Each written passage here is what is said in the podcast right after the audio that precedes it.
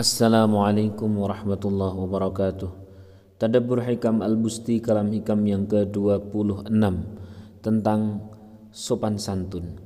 Qala al-mu'allif rahimahullah ta'ala Asyhabul Fat Al-Busti berkata dalam kitab Unwanul Hikamnya Warafiqir rafqa Warafiqir rifqa Fi kullil umur Falam yandam rafiqu walam yadmumhu insanu.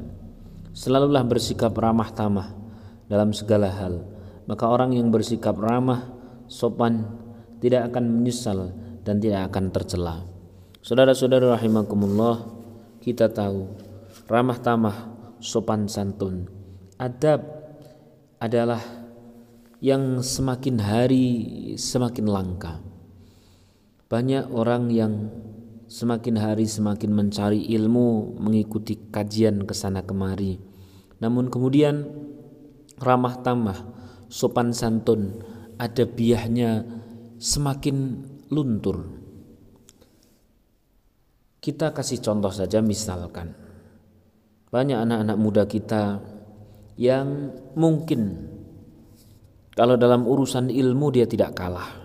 Namun dalam urusan sopan santun entah kenapa menjadi sesuatu yang sangat langka di akhir zaman seperti ini. Harusnya orang itu jangan salam sampai lupa belajar tentang adab. Kenapa? Karena kita tahu orang kalau belajar ke Imam Malik, demikian pula ke Imam Abu Hanifah dan sebagainya. Maka kalau ada 20 tahun murid-murid belajar ke para imam-imam besar itu, 18 tahun sendiri adalah belajar tentang adabiyah. Baru yang dua tahun belajar tentang ilmu. Hal ini menunjukkan bahwa betapa luar biasanya masalah adab. Dalam bahasa yang populer adalah al-adab fawqal ilmi.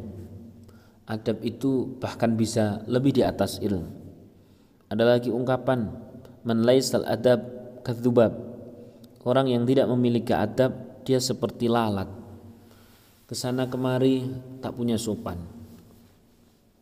Saudara-saudara rahimakumullah,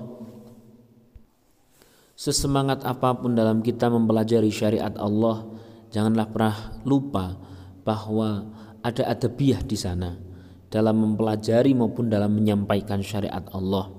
Apa ia misalkan ada seorang anak muda, misal saja, dia sudah ikut ngaji ke sana kemari, lalu tahu tentang bahwa tidak ada yang minum pakai tangan kiri kecuali itu adalah setan. Sesampainya anak muda itu sampai ke rumah, misalkan ia melihat orang tuanya atau kakeknya yang namanya juga sudah orang tua minum gak kerasa pakai tangan kiri. Apa ia terus kemudian yang namanya syariat menyampaikan syariat langsung berkata, Mbah atau Pak, sungguh ketahuilah Pak, tidak ada yang minum pakai tangan kiri kecuali setan. Apakah yang dimaksud baligu ani walau ayah itu seperti itu? sampaikan dariku walaupun satu ayat, walaupun satu pesan. Apakah seperti itu? Tentu saja tidak. Menyampaikan memang menyampaikan, tapi menyampaikannya pasti membutuhkan keramah tamahan, membutuhkan adabiah. Bila tidak seperti itu maka ilmu setinggi apa pun seseorang dia tidak akan mempunyai nilai di hadapan Allah Subhanahu wa taala dan di hadapan hamba Allah Subhanahu wa taala. Termasuk adab dalam memberikan nasihat. Sama adab dalam berdakwah dan sebagainya. Ada satu contoh di mana zaman dahulu Imam Ahmad. Kita tahu Imam Ahmad bin Hambal adalah salah satu dari empat imam madhab yang keilmuannya tidak diragukan lagi. Subhanallah, beliau itu satu ketika lewat di sebuah jalan dan di sana ada seorang murid beliau. Murid beliau ini juga sudah menjadi seorang guru yang sedang mengajar kepada murid-muridnya. Singkat cerita kemudian Imam Ahmad melihat oh, mendengar ada konten atau materi yang disampaikan oleh murid beliau ini kepada murid yang ada di bawahnya ini dengan materi yang perlu diluruskan. Singkat cerita kemudian Imam Ahmad ibni Hambal ini apa langsung kemudian memberikan nasihat, menegur begitu saja, apalagi di hadapan umum, Tentu saja tidak. Tentu orang yang memiliki adab tidak mungkin ia menyampaikan tegurannya kepada orang lain ketika di hadapan umum. Imam Ahmad ini yang salah adalah muridnya. Itu saja cara menegur beliau sangat unik. Bagaimana itu? Ketika di waktu malam datanglah Imam Ahmad kepada seorang murid ahli ilmu tersebut dengan mengucapkan salam yang salamnya sangat pelan namun dalam. Assalamualaikum. Kemudian sang murid mendengar bahwa seorang syekh besar suaranya yang sangat jelas itu terdengar dari dalam rumahnya. Begitu dibuka ternyata betul. Masya Allah ya syekhi ya Imam Ahmad. Silahkan silahkan masuk silahkan masuk. Pada saat itu Imam Ahmad masuk ke rumah muridnya itu.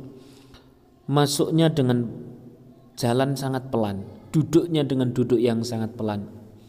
Kemudian beliau berkata, Wahai muridku, aku tahu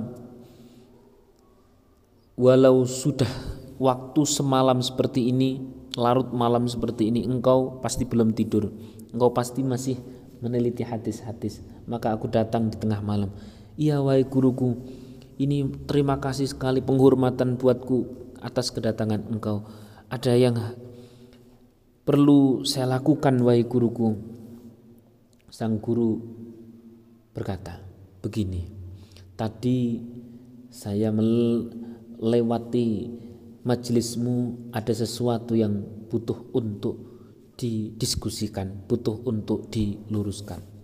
Subhanallah. Ternyata seorang guru besar bernama Imam Ahmad mau menegur muridnya saja, nunggu tengah malam, ketuk-ketuk pintunya pelan, duduknya pelan. Kenapa? Karena khawatir sang murid ini nanti ditegur pada saat keluarganya sedang dalam kondisi bangun mungkin bisa malu, mungkin bisa itu dan sebagainya.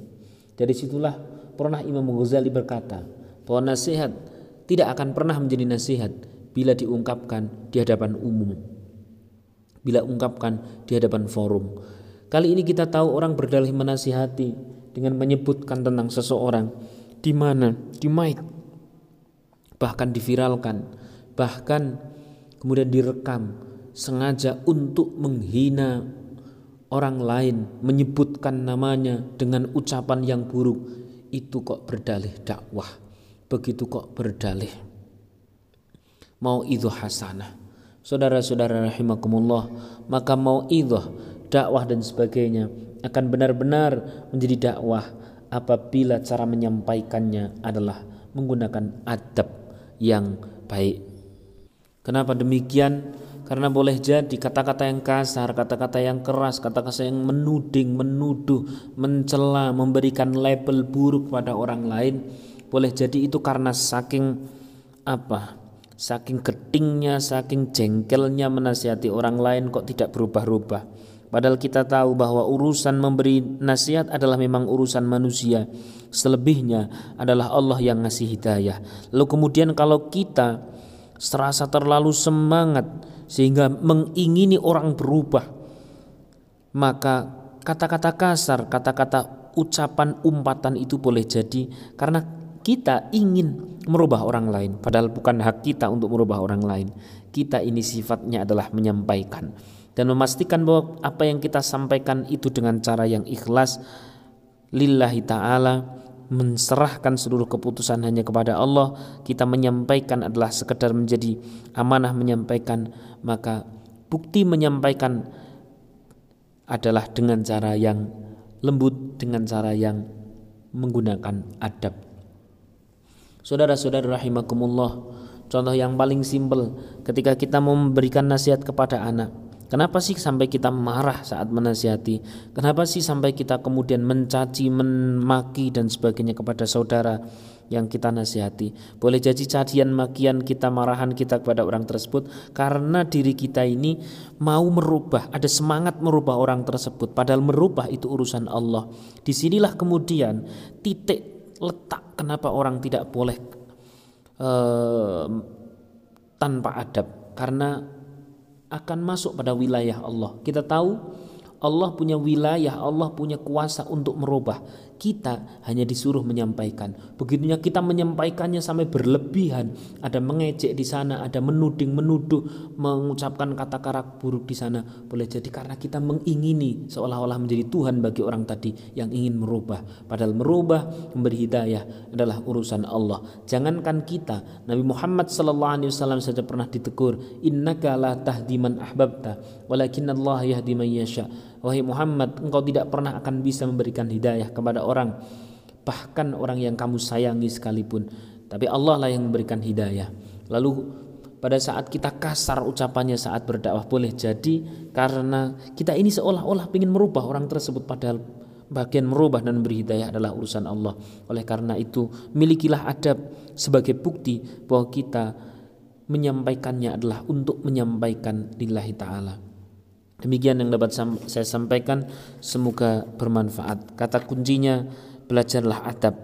Kita mau belajar apa saja, namun jangan sampai lupa belajar adab pun lebih harus dominan. Saya Kang Ria dari Kamar Doaku. Bila taufiq wal hidayah. Wassalamualaikum warahmatullahi wabarakatuh.